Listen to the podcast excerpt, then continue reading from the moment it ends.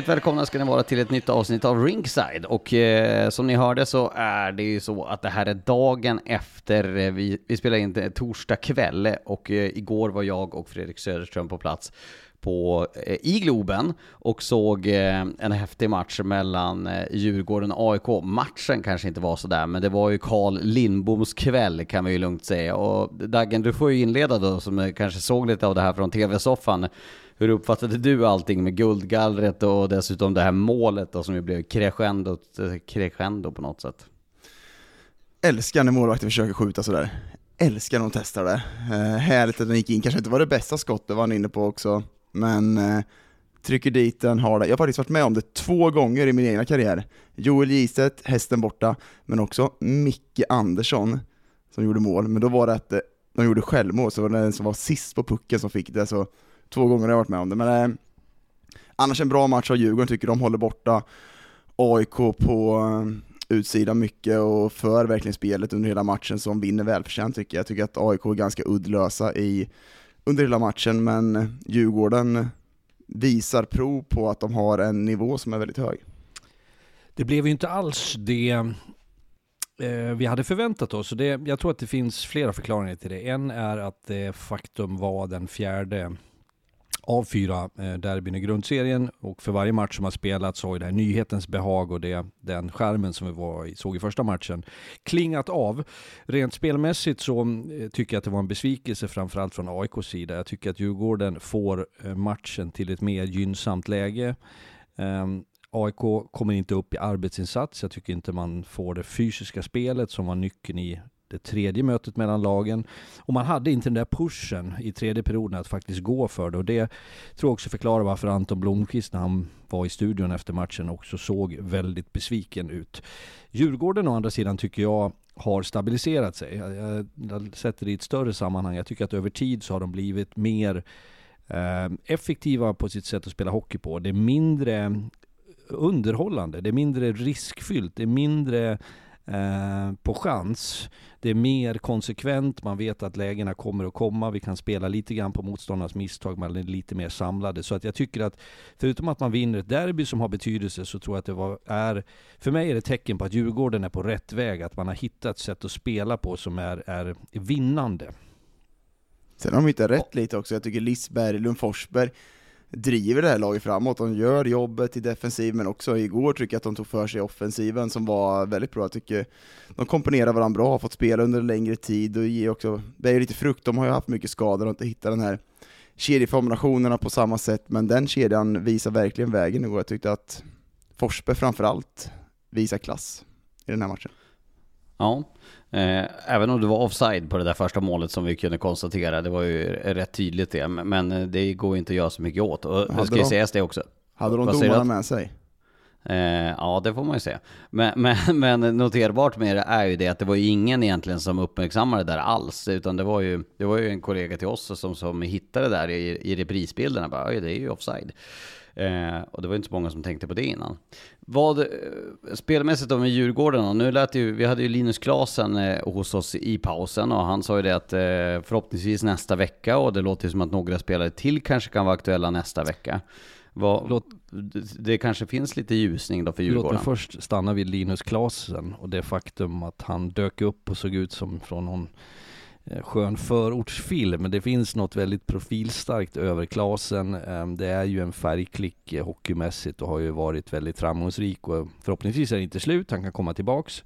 Uppsynen är lite annorlunda på ett, på ett häftigt sätt tycker jag och eh, det visar väl att de har ett sparkapital i ett gäng spelare som kommer kunna ha betydelse när de kliver in och jag tror att det bekräftar ytterligare den här tesen att jag tycker att Djurgården har stärkt de eh, basala grejerna rent spelmässigt som man måste göra oavsett om du har skador eller inte. Kan du sen addera det med, med spets i, i det offensiva, eh, förhöja powerplayet ytterligare, eh, hitta ytterligare stabilitet på backsidan kanske i prekära lägen i matcher där du har ledning och ska eh, hålla undan. Så, så det har ljusnat, det har det tveklöst gjort. Tyckte han såg ut som Rock Balboa i fyran när han åker till Ryssland med vet du, jackan. Det var en saftig skinnpaj. Riktigt fräsch. Sen så, jag, jag ställer mig lite frågan, försvarsspelet ser lite bättre ut på Djurgården, men jag tycker, om, jag tror att den här backsidan kan vara lite för svag om de ska gå väldigt långt. De måste få träffa rätt på de spelarna om det ska gå långt. Jag tycker att Killing, Elliot kanske inte kommer upp i den nivån som de ska vara hittills, men det finns en nivå till såklart. Elliot tycker jag var det Carl bra Lim- för övrigt. Ja, han har, han har lyft sig, det tycker jag definitivt. Eh, eh, Carl Lindbom, vi pratar ju, alla vi tre sitter i juryn här och vi, det är ju nu klart då att alla vi tre röstade på Carl Lindbom till guldgallret. Eh, hur stor talang tycker ni att det här är? Ja, Jag, jag tycker att han är enorm. Han har ju visat klass den här säsongen också. Trodde väl att Galaida skulle ta första spaden, men han är ju... För, för honom och för eh, hela Djurgården tror jag han inte han överraskar, men för oss som utifrån sett som inte kanske har sett han lika mycket så har han överraskat såklart och visat upp en, en mognad i sitt spel och även utanför har han ju visat upp den här mognaden och man, då förstår man också att han har tagit steg snabbt i sin karriär också och har ju varit den bästa målvakten. I, I grunden så är jag lite allergisk mot eh, när man pratar om unga spelare generellt att man, det, det är lätt att ta i så man spricker och det finns ju många exempel genom åren på det som har varit talanger som, som faktiskt inte blir så bra. Det, det, det är många mm, hinder kvar på vägen till att du ska etablera dig men eh, om jag i Lindboms fall så är jag beredd att göra ett undantag. Sen man vet aldrig vad som händer och därför ska man vara försiktig men jag tycker att, att det han har visat i Djurgården är så exceptionellt, inte bara i det faktum att han, han räddar skott och, och mm, står emot, utan att han också uppträder på det sättet med det lugnet och det vi får till oss från de som är närmare runt laget, hans förmåga att läsa, värdera spelet, alltså den skickligheten är ju, är ju väldigt fin och då att få vara med på en sån här kväll som han fick uppleva med guldgallret, med att vinna ett derby och dessutom få göra mål, det, det var verkligen en lycklig pojk som man såg efter mm, eh, fira på isen. Gillar, gillar att han var ute och, och testa, Fredrik? Ja, men jag ska säga så här, våran kollega Harald Lyckner tror jag sa, som är eh, om möjligt ännu mer old school än vad jag är, om vi pratar som tränare, så sa han att står det 4-1 kan man gott försöka. Eh, så är det ju. Det, någon av er sa det tidigt, det var du som sa det, jag älskar när målvakter är ute och, och, och försöker, och det är ju inte jag. Men jag du vad? älskar att se när de gör mål. En målvakt som är bra med klubban har verkligen, jag gillar när de hämtar pucken. Däremot är jag allergisk mot när de åker ut och ska hämta pucken, när vi spelar ut den från boxplay, hämta upp den i powerplay ner i hörnet, den kommer ju studsa ut ändå. Jag förstår inte det där, men Det jag jag. gillar målvakter. Det är Såklart det gör. Men jag Ja. gillar verkligen målvakter som är ute och vill sätta igång spel. Eh, med det tycker jag att vi sätter punkt på, på, på Stockholmssegmentet. Eh, vi kommer att prata om det i Superfredagen när det är först eh, AIK Björklöven och sen då Modo mot Djurgården. Eh, men jag tänkte att vi kan ta Modo då som ju studsar tillbaka. Nu var det mot eh, tabelljumbo Västervik på hemmaplan.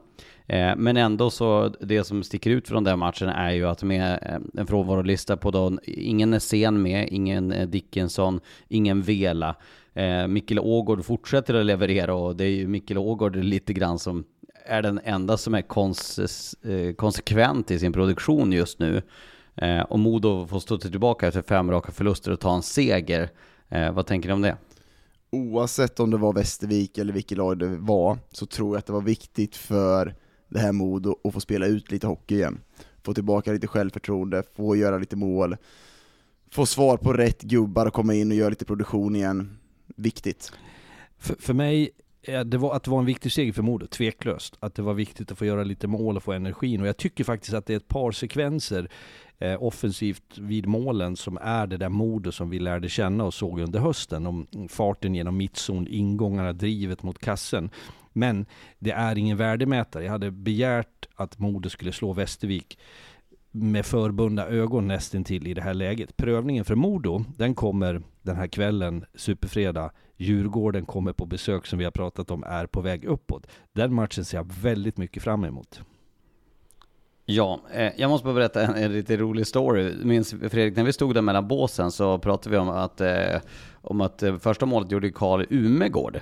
Och då läste jag på Allehanda, som är lokaltidningen i Örnsköldsvik, att eh, han skulle ju jobba i shoppen, alltså i, i souvenirshoppen och sälja matchtröjor och sånt. Men eh, då fick han ju veta att han skulle spela matchen.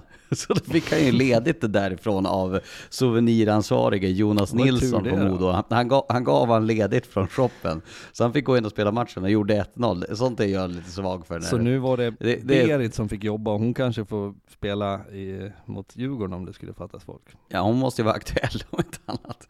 Ja, men jag tycker att det var lite fascinerande. Men, men jag håller helt och hållet med dig. Det känns ju väldigt spännande med fredagskvällens sena match mellan Modo och eh, Djurgården då, med tanke på att Djurgården är på G och som du säger, Modo då som en riktig värdemätare. Ja, verkligen. Det är två, två lag som kommer på förhand trodde vi att de skulle göra upp, men Djurgården har ju en bättre form och jag tycker att eh, på något sätt så är det dags för dem att visa upp också att de kan hålla mot ett förväntat topplag som Modo är och visa lite krafter i den här härliga matchen kommer vi få se förhoppningsvis. Ett lag vi har pratat väldigt eh, negativt om den här säsongen, men det är ju på grund av deras spel och deras re- resultat. Det är ju eh, Västerås. Och det är ju faktiskt så att sen den där vändningen när de hade 1-3 mot Kristianstad, vände och vann den, så har ju Västerås nu tre raka segrar. Det blev en, en övertidsseger mot AIK där när Jimmy Jansson kvitterade och avgjorde. Och så sen då vann de nu igår. Och Dagen, du såg en del av den matchen igår.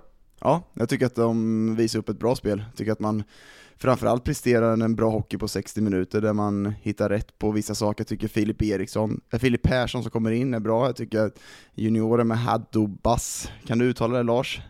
Nej, faktiskt inte. Vad man än har, med bra svar på de typerna av spelarna. Och sen tycker jag man har en, en offensiv som kommer tillbaka. Jag tycker Lundsjö är bra igår, får bra svar på honom. Så under tre matcher har man tagit tre raka så har man någonstans byggt upp ett spel som är bättre än vad det sett ut innan. Sen så tycker jag att det finns många, det finns lång tid eller mycket spel kvar att visa upp för att man ska vara verkligen det på den nivå man tycker man ska ha det i Västerås.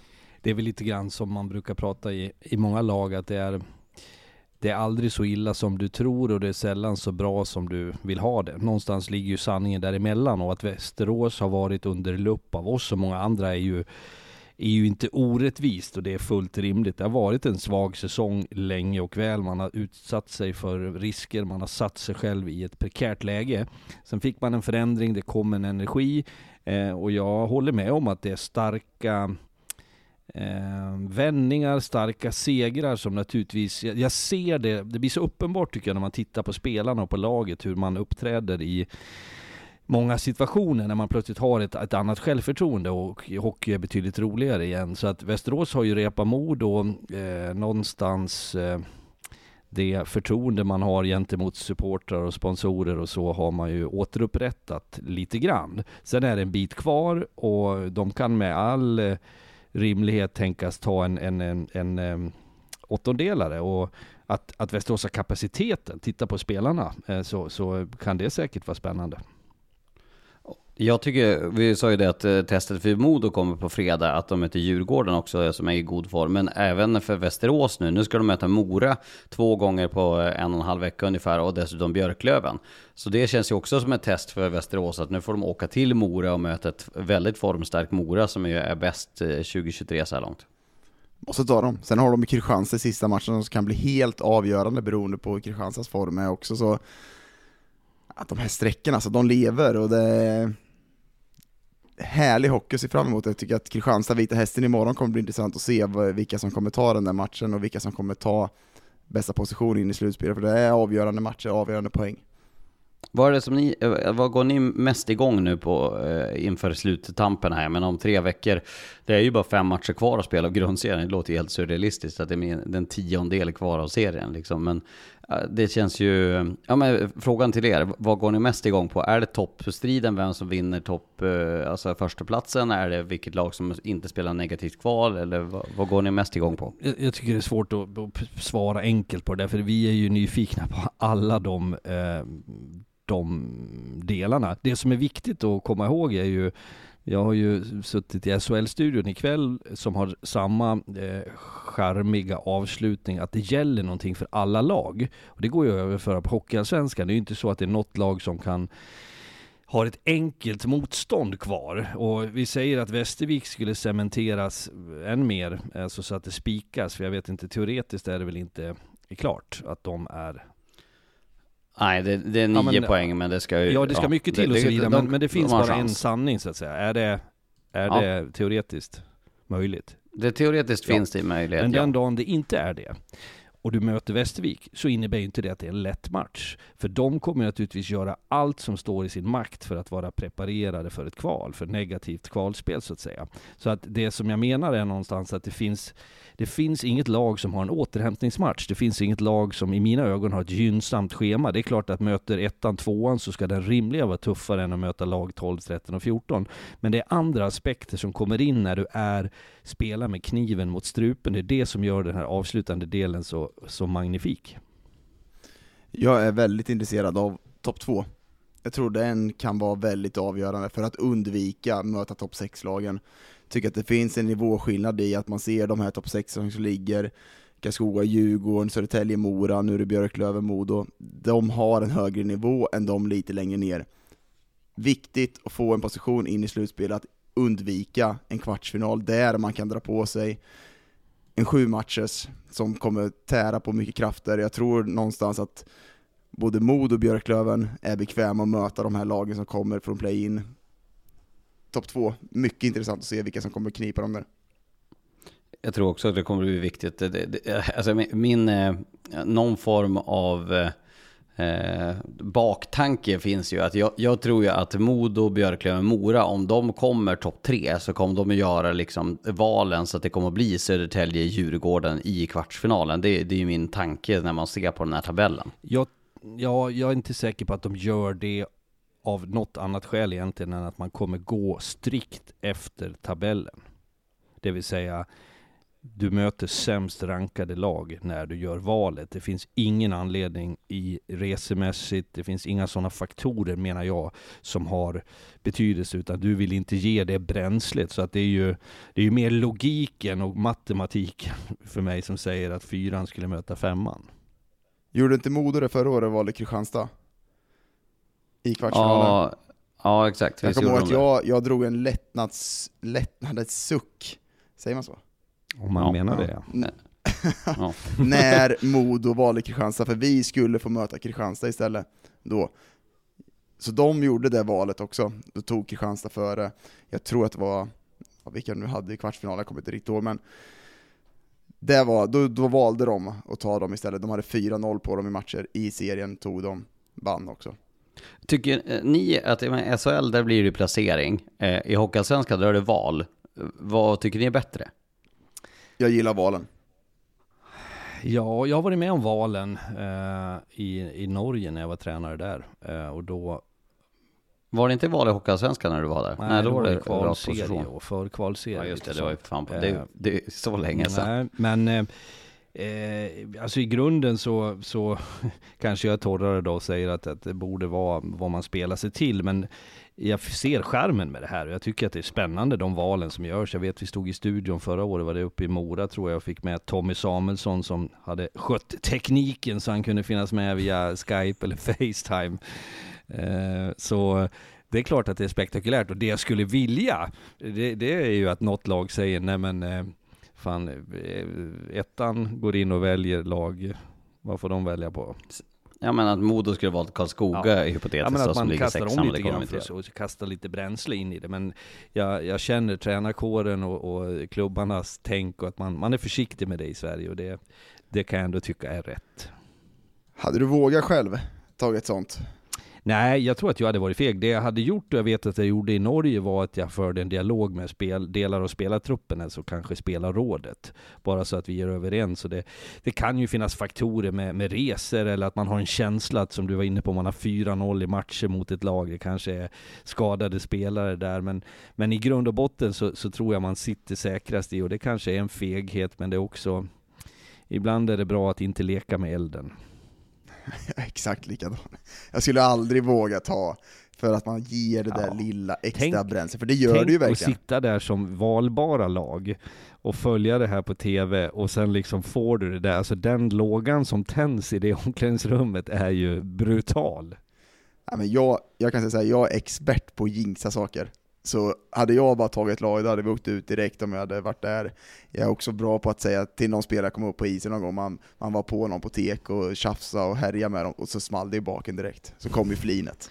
Så, Så, det äh, betyder jag, att det du jag skulle, säger i podden ska vi inte tro ett smack på, för det kommer slå tillbaka. tvärtom bara. Tvärtom allting. Vinnande koncept. Men du, eh, eh, vad hände i Karlskoga i onsdag? Karlskoga eh, åkte på stryk mot Östersund hemma.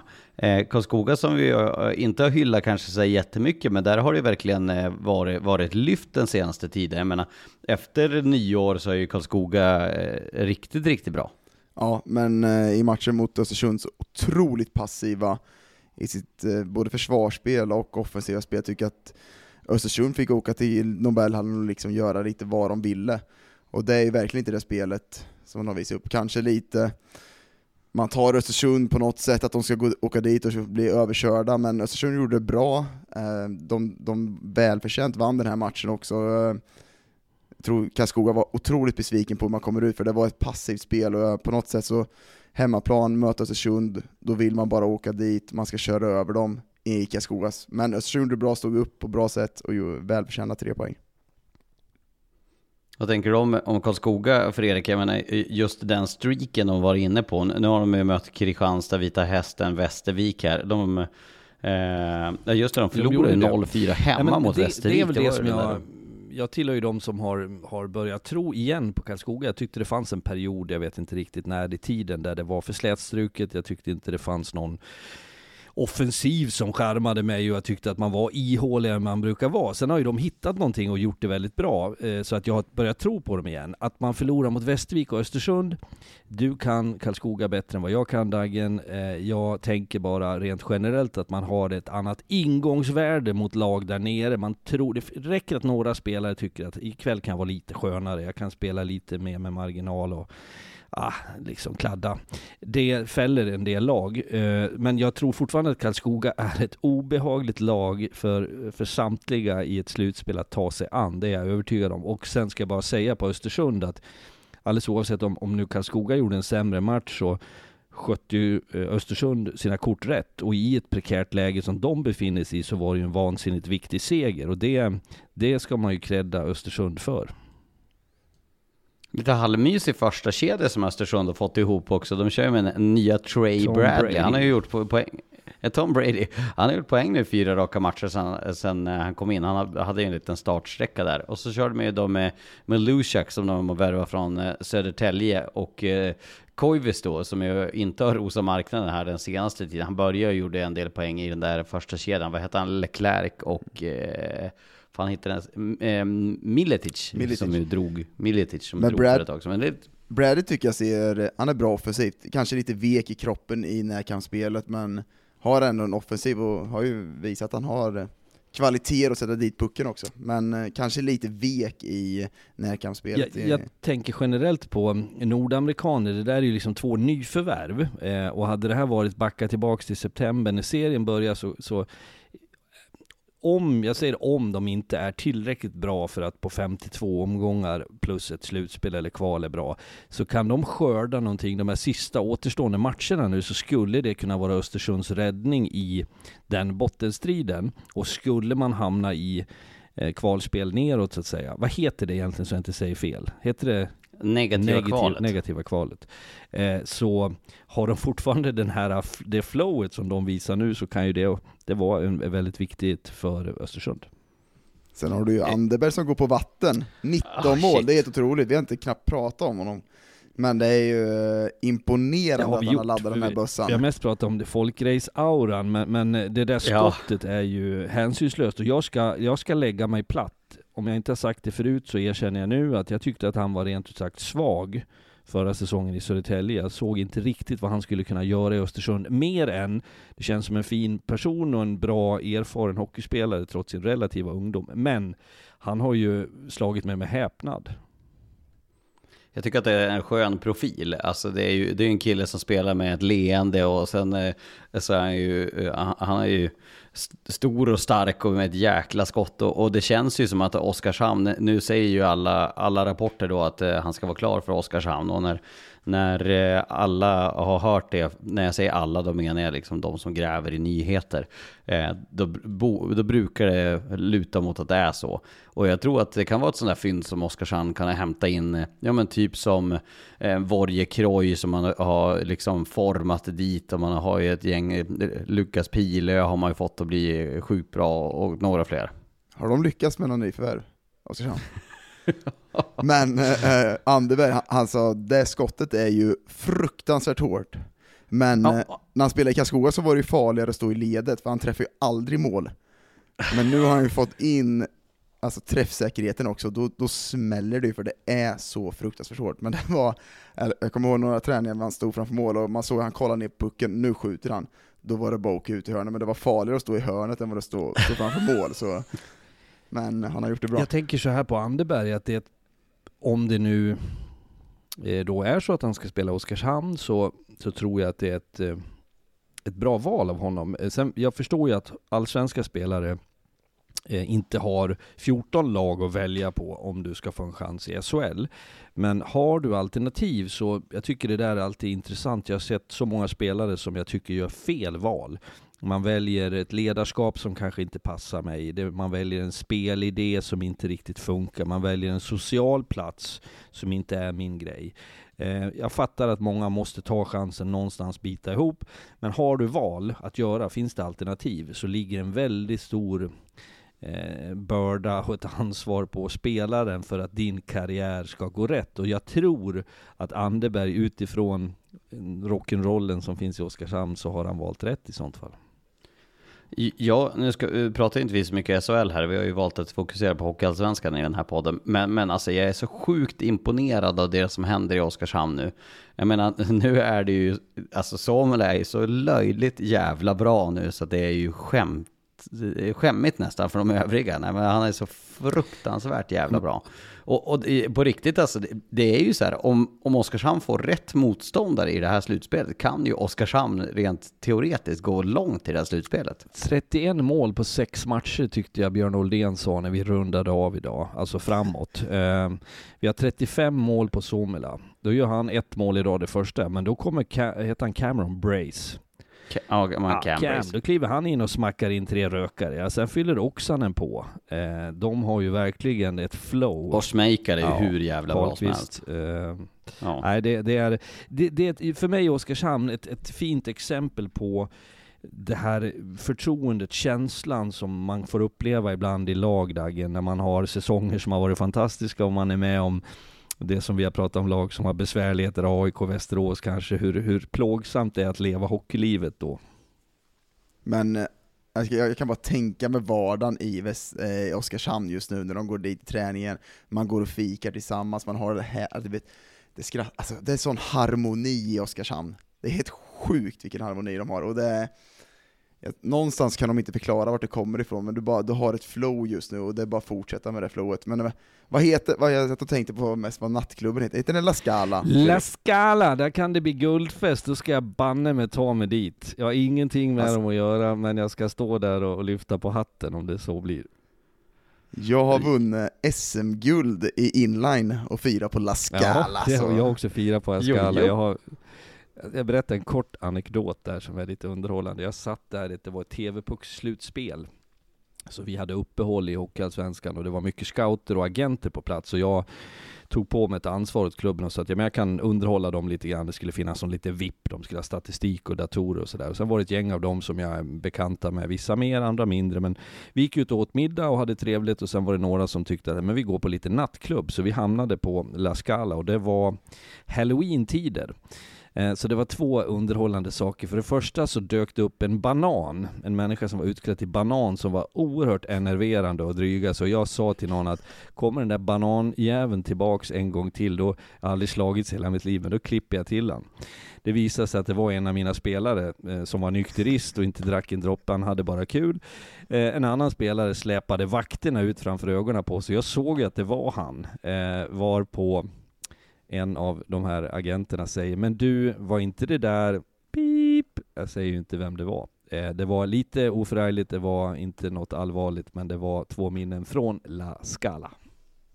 Viktor Gibbs Sjödin. Nej, det kan jag faktiskt dementera, även om det hade varit en... Vilken härlig kille! Du spelar ju med han. Ja, jag har bott granne med honom i Karlskoga, ja, det är En profil. en underbar Han var nere i Australien Profil, och spelade hockey ja. länge. Ja, fantastiskt. Och nattklubben som han besökte många gånger under sin tid, vad hette ju Klubb San Remo i Karlskoga förr. Oj. He- Finns det en nattklubb som heter Klubb San Remo i Karlskoga? ja, jag tycker det är charmigt. Paraplydrinkar. Har jag, ber- har jag berättat i podden om, eh, om grästrimmern? Nej, det tror jag inte. Fredrik, har jag, det måste jag ha Jo, dragit. eh, som du vann. Ja, men har jag, har jag dragit den i podden? Det törs jag inte lova. Ja, men jag, jag kan ju dra den kort i alla fall. Jag var, jag var nere på, på sommaren så eh, åkte jag och hälsade på Harald Lyckner nere i, i Karlstad och sen får vi och spela en sån här partnergolf i Karlskoga. Och då stannade jag kvar och drack lite öl och sådär. Eh, och då så, så vann jag en grästrimmer för jag hade en i mitt eh, lag då man spelade sån här scramble. Så han slog ju som en häst och han slog ju en drive på ett par fyra hål som la sig 1,9 eh, meter från hål. Så närmast hål då på det här eh, vann då alla i bollen en grästrimmer.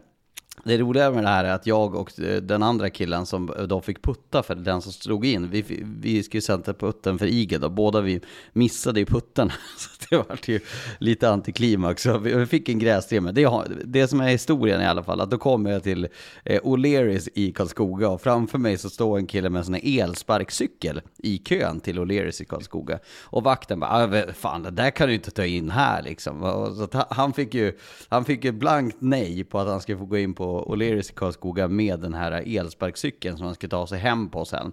Då kommer jag efter, ja det kanske är en person mellan, med en grästrimmer. Och det, det var öppna dörrar, du är välkommen in här. Så det, sen eh, skedde någon form av aktion på den här grästrimmen, för jag ska ju flyga dagen efter och kunde inte ta med mig den här på flyget. Så det var en person som ställde sig upp på bardisken där och körde en aktion på min grästrimmer som jag hade vunnit. Och vet, den, som, den som köpte den grästrimmaren sen, sålde den vidare för dyrare peng på klubben. Säg bara inte att det var för att. Lars Lindberg använt den. Då, Nej, det har det definitivt ingenting med att göra, det vågar jag lova. Men det var fantastiskt roligt. En- En inblick i glesbygden, att en elsparkcykel, nej, men en grästrimmer får du gärna ta in på krogen, det är inga problem. Eh, Jag kommer att tänka på en grej eh, som hände igår. Jag läste en artikel om, eh, som Per Svartevadet eh, hade Ja. uttryckt sig på Radiosporten.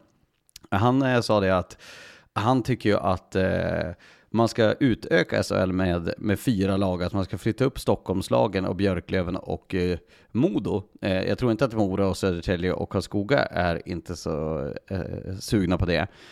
Men vad säger ni om det här med seriesystemet nu med tanke på allting som händer? För vi, jag vet att det här har vi diskuterat eh, sinsemellan lite grann och just då med Per Svartvadets artikel eller eh, sin åsikt, tyckare om det här.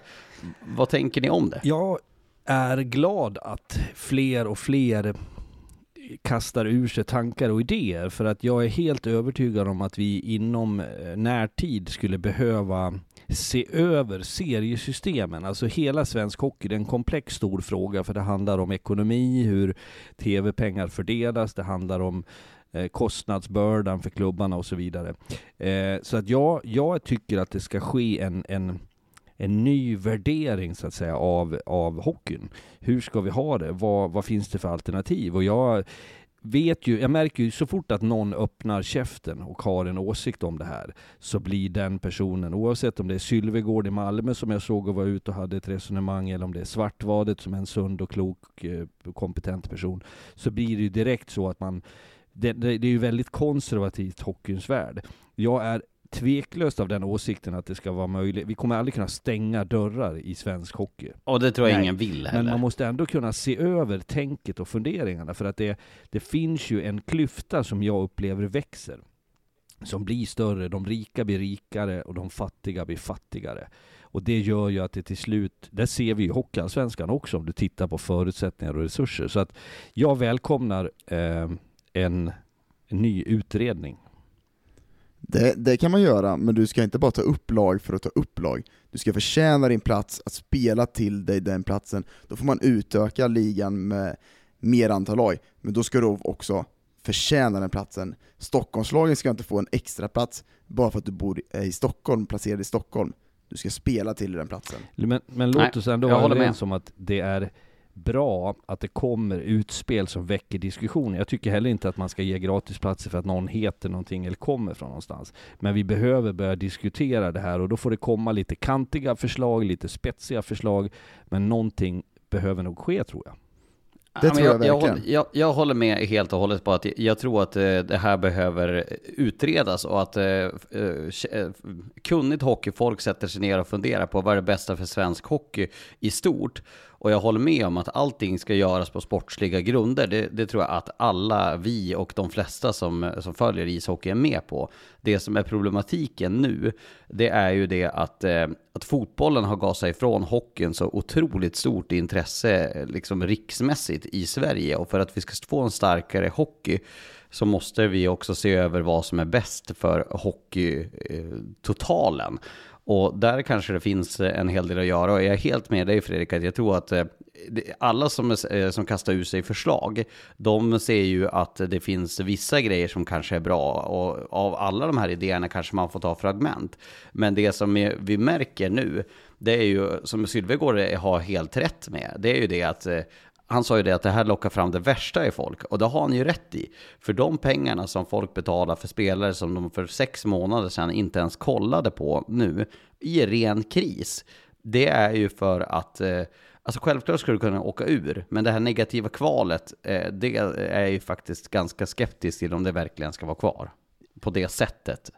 Jag förstår att han uttalar sig så för att han är nära att ramla ur, men det, du, Ja. du får du väl stå emot? Ja, men det, det, du, kan heller inte frånta honom den möjligheten att ha en åsikt för att han är där. Det gör jag verkligen inte, men att man, att man säger att det drar en hets, att det blir att det, ja det gör det, för att du hamnar där för att du har gjort något dåligt innan. Du har inte värvat tillräckligt bra spelare, du har inte fått ihop spelargruppen på rätt sätt. Därför sitter du i den sitsen. Men värva inte då.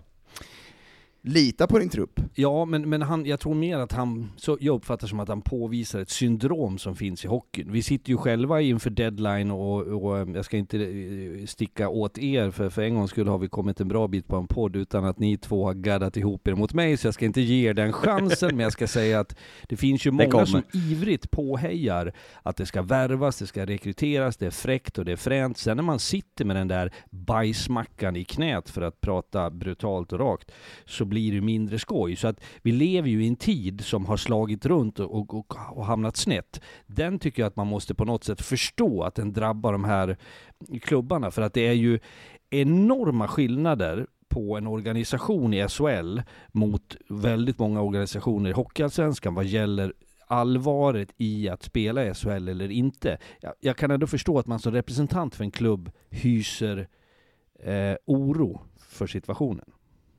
Det, det, det förstår jag med, jag förstår att man hetsar igång, men där handlar det också om att klubben är stark nog att stå emot yttre påverkningar, om man inte vill hamna i den situationen som klubb. Men det är ju någonstans att du har misslyckats med någonting, du hamnar där. Jag tycker att det ska finnas ett negativt kval.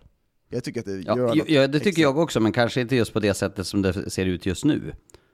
Nej men det tror jag, det, vadå, om det inte fanns ett negativt kval då skulle vi ha 180 lag i SHL om 25 år då. Ja, Jag tror inte Dagen menar Nej, men så. vad menar Jag du? menar Eh, att det skulle vara en kvalserie. Du menar kvalserie istället för kval? Jag Ja. tycker att det, jag, jag, jag gillar den här typen av spel nu, där man får den här extra hettan i bästa sju. Ja, eh, alltså jag, jag, det jag tror i alla fall eh, det, är det att jag tror att man ska se över det. Sen exakt vad man ska komma fram till, jag har inte svaren och det är definitivt inte jag som ska ge svaren på det här. Det, det, det är jag på det klara med. Men jag tror verkligen att man behöver se över det för det bästa för hockeyn på sikt. Jag gillar ju framförallt, jag tycker att det här slutspelskonceptet som är i Hockeyallsvenskan nu är jättebra. Jag tycker det är skitbra att vi har två starka ligor. Eh, men eh, det finns ju också andra saker som ska vägas in. Mm. Ja. Så är det ju absolut. Hockeyallsvenskan fick ju ett jäkla skjuts förra året med den här, eh, eller två år är det nu med, eller ett år kanske? Ja, det är två år med slutspel, men ett år var ju Precis. utan publik. Men det har ju gett en jätteskjuts i Hockeyallsvenskan, så det är ju något man ska ha kvar här. Men du måste, som ni är inne på, det måste göras en utredning för svensk hockey, Men, men självklart. jag tycker det är lite roligt, en del har ju varit lite fyndiga nu när, tittar du senare åren så är det ju många attraktiva lag som är i Hockeyallsvenskan. HV åkte ner, eh, Eh, sen åkte Djurgården ner, så, så säger folk nej det är dags att stänga ligan uppåt. att man liksom ska isolera för att det har blivit ett intresse. Och det är klart, som det ser ut nu med det här upplägget så är det ju alltid ett väldigt spektakulärt lag som tillför någonting i Hockeyallsvenskan. Så på det viset kan ju det, om jag pratar Hockeyallsvenskan som liga, så får ju de alltid fånga ett lag som kommer fallandes från SHL, som är bra för Hockeyallsvenskan. Men frågan är ju så mycket större än så. Vi, vi, vi, jag tror vi är helt överens om att det är jättefint att man ser över alternativen och att va, va, va, hur ser svensk hockey ut i framtiden? Ja. Eh, nu hoppar jag upp till, eh, till Umeå från gårdagen, för det var Björklöven mot Södertälje. Det var ju faktiskt frapperande att läsa att Björklöven hade gjort ett mål på två matcher mot Södertälje, men nu blev det ju faktiskt 3-0-seger för Björklöven igår. Eh, Kilke tog över poängliga ledningen. Videll spelar ju inte som ni vet och det senaste därifrån är att han är eh, den här veckan eh, indisponibel för spel och sen får vi se hur långt bort han är. Men att eh, jag läste någon intervju där så han hade uttalat sig för första gången Videll. Han trodde ju att det eh, var kanske någon vecka till innan han kunde spela för de ska göra ytterligare utredningar på det där. Men alltså Björklöven är också ett lag som är väldigt starka och nu möter de AIK då på Hovet i, i kväll fredag då, eller imorgon kväll fredag. Nu är det ju snart fredag för övrigt. Vi vill vi spelar tillägga in. att vi är väldigt sent i vår inspelning. Ja, eh, det blev lite speciellt. Dagens eh, SJ har återigen Men nu är inte jag inblandad. Nu är inte jag inblandad. Nej, nu är jag. Vi kör ju nattspelning, det är ju underbart här. Ser vi United Ja. spela samtidigt också. Ja, det behöver vi inte prata det Nej men om. jag tycker att, eh, jag tycker att Björklöven visar upp en klass igår. Jag tycker på något sätt att fortfarande bra försvarsspel av Södertälje i mångt och mycket, för det, det är tryck hela tiden, håller de på utsidan, men den här offensiven i Björklöven är att den börjar hitta rätt, och med Löke in i det här laget så är det en spets som är enorm, och sen, jag hörde att ni Två ska nya till poäng igår för Löke. Fort, er, bra Fredrik. Ja, den var ju snygg Ja. igår. Lite så här Den Ingvar. Oldsberg-aktigt, men eh, den funkar. Men däremot så tycker jag att eh, Södertälje, man ser vikten av att eh, så mycket som Videll har drivit det här laget, jag tycker att han måste komma tillbaka för att, och komma tillbaka i form inför det här slutspelet. Han är så otroligt viktig för det här laget, och nog den som är viktigast för ett enskilt lag. Jag, jag säger så här, eh, Björklöven för mig är, lägg åt sidan alla siffror, det går säkert att motbevisa mig på någon punkt, men för mig är Björklöven det eh, by far i särklass starkaste, mest formstarka lag över en längre tid. Jag tycker att Mora var där och nosade, sen har de varit lite mänskligare, men jag tycker att Björklöven verkligen över eh, en tid nu visar klass och kvalitet, stabilitet, man har spetsen, man har eh, balansen. Mycket, mycket bra. Och Jakob Olofsson har ju kommit tillbaka från, från den här hjärnskakningen och, och såg ju väldigt bra ut i, i matchen i fredags mot Djurgården där han gjorde två mål. Och inte bara det att han gjorde två mål så tycker jag också att i, i spelet så, så ser man ju grejer där. Det som är intressant nu, nu är Weigel tillbaka i träning, han, ska in och spela. Han sa själv att han skulle spela på söndag, det lät inte på Viktor Stråle i lokaltidningen som att det var aktuellt. Eh, att fysvärdena var kanske lite för dåliga för det. Men eh, det blir ju intressant, då ska de flytta Olofsson och sätta in Weigel där igen mellan Poli och Kilke. För Poli och Kilke har ju faktiskt inte eh, gjort fullt lika mycket mål den senaste tiden, om ändå fortfarande gör mycket poäng. Fan, man, man ser framför sig hur Vag, jag lirar, jag lirar direkt alltså, det känns bra i kroppen alltså, så kan, kan, han knappt åka. Jag tycker att han ska in i den formationen. Jag tycker att Pooley och Schilke är bättre med Weigel där. Sen kommer det ta tid för honom, men för att det här laget ska gå långt i slutspel, så tror jag den formationen är bättre där. Jag tycker att Olofsson har kvaliteter att spela med andra spelare och gör de formationerna bättre. Weigel måste spela högt upp i laget för att få ut mer. Sen har faktiskt Vainio, nu kommer han att gå sönder nu för att jag säger det här, men nu har ju faktiskt Vainio sett lite bättre ut sen det att han kom tillbaka. Han, han såg ju ut som eh, att han inte hade spelat eh, hockey på två år, vilket han typ inte har gjort. Men när han kom tillbaka, men nu har han ju faktiskt börjat se lite bättre ut och nu har de ju helt plötsligt lite bredd då på backsidan igen. Eh, vilket gör att de har alternativ där och inte måste spela på gå hårt. Sen tycker jag också att no, eh, ytterligare en spelare som har lyft sig, det sa ju vi i fredags Fredrik, att jag tycker att Jakob Andersson har lyft sig på backsidan också. Ja, för han har varit, eh, han har inte varit dålig, absolut inte. Medioker. Men jag tycker inte att han har, vad sa du? Medioker. Ja men Anna, jag har liksom, eh, jag har begärt mer. Men det som jag tyckte med honom är, det här blir så motsägelsefullt. Eh, vi pratade för övrigt på en parallell i kvällens match, eh, Leksand-Färjestad, om Davidson, den där nya backen i, i Färjestad. Så, så såg vi henne spela mycket, och så sa både jag och, och Tornberg att vi har inte sett honom. Och det är bland det bästa betyget man kan ge, i synnerhet till en, en ja, det brukar vara till er domare Dagen, men också till en back sådär. Att man, man sköter sina åtaganden, man gör rätt. Jag tyckte han hade lite mer eh, frenesi i det han gjorde, Jakob. Så att eh, eh det är många positiva tecken på Björklöven får vi summera det som. Ja, det ska bli spännande att se dem nu mot, eh, mot AIK också. Eh, och sen eh, Nästa vecka var det väl också några riktigt bra matcher har jag för mig. Nu har jag inte riktigt helt koll på, på spelschemat här kommande tiden. Men, men jag håller med om att Björklöven känns ju ruskigt starka just nu och, och får väl kanske... Ja, det är ju Moras spelschema då som talar för Mora i den här toppstriden om, om seriesegern. Jag tror att det kommer bli ett ruggigt race alltså. Shit vilket race det kommer bli ända in på målsmålet. Och jag vidhåller det här till sten alltså. Jag tror att det kommer bli sjukt viktigt att vinna grundserien klart som katten. Det har vi ju sagt så många gånger och det har vi inte anledning att ändra på, tänker jag. Men Löke då, alltså nu har det två, två assist till, alltså nu har fem poäng första två matcherna och, och, det är ju en grej, men det måste vara så otroligt skönt att få den starten.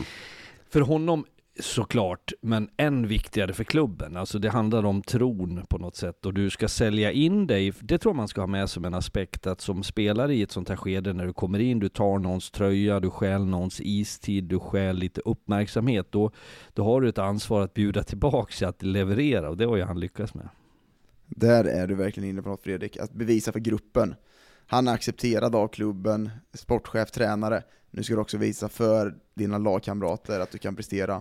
Gör han det, blir han accepterad också på ett helt annat sätt. Och han har ju, han vet, alltså jag gillar den här kedjan, alltså det går fort, de har kvaliteter, jag tycker Löke visar upp den, tycker han ser bättre ut än vad han gjorde i Timrå med pucken, den ser starkare ut i kroppen också. Jag har varit med så många gånger med, och det har du också Dagen, det, det kommer in någon ny spelare under säsong, och i synnerhet ju längre fram du är, så den där liksom första mötet, du sitter i omklädningsrummet och tränarna kommer in och så ska man säga så, så välkomnar vi Jens, eh, så ser man liksom om det fanns tankebubblor ovanför huvudet på, så är det en del som genuint är glad, man kanske spelar ihop, jag känner den där rackaren, men en majoritet har en skepsis. Vem är den här killen? Vem, vad har du tänkt att leverera? Ska du knycka något av mig? Är det min status, min position? Är jag hotad? Och att då eh, liksom replikera ganska omgående som Jens Löke gjorde är ju eh,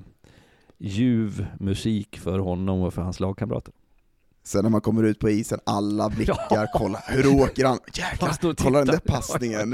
och sen, sen har man ju varit med, har man ju varit med om någon också genom åren, helvete det där ser bra ut alltså, så återkopplar man, vilken åkning, vilken, jag såg det avslutet där, ho, ho, ho. Och, och sen klappkassen ja, första tre matcherna, minus sju, ingenting stämmer.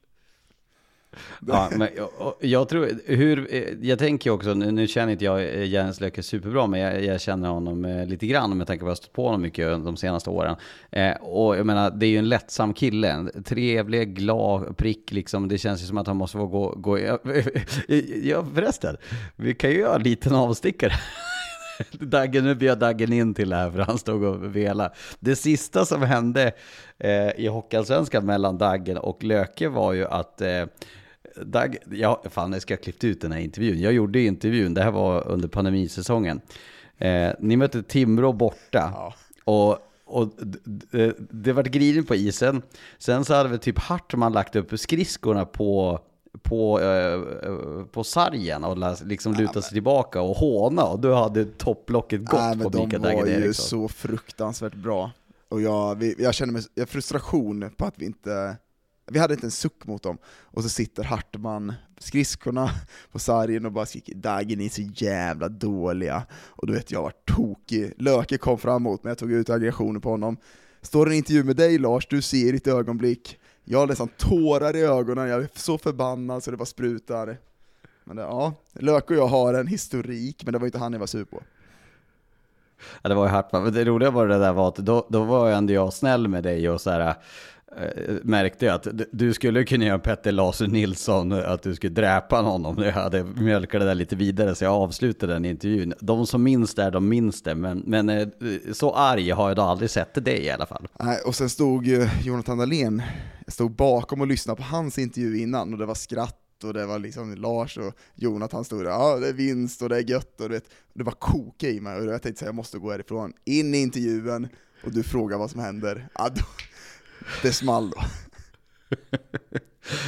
det, det, det, nu har du faktiskt tagit bort det, men det fanns eh, eh en av Daggens sista matcher i Hockeyallsvenskan, när vi står i studion mellan båsen i Umeå så fanns det för en typ diskho och den har varit med ett djupt märke i sig. De har tagit bort den där nu och då fick jag veta av en av vaktmästarna där, det är Daggen som har slagit av den där i frustration på väg ut från en match.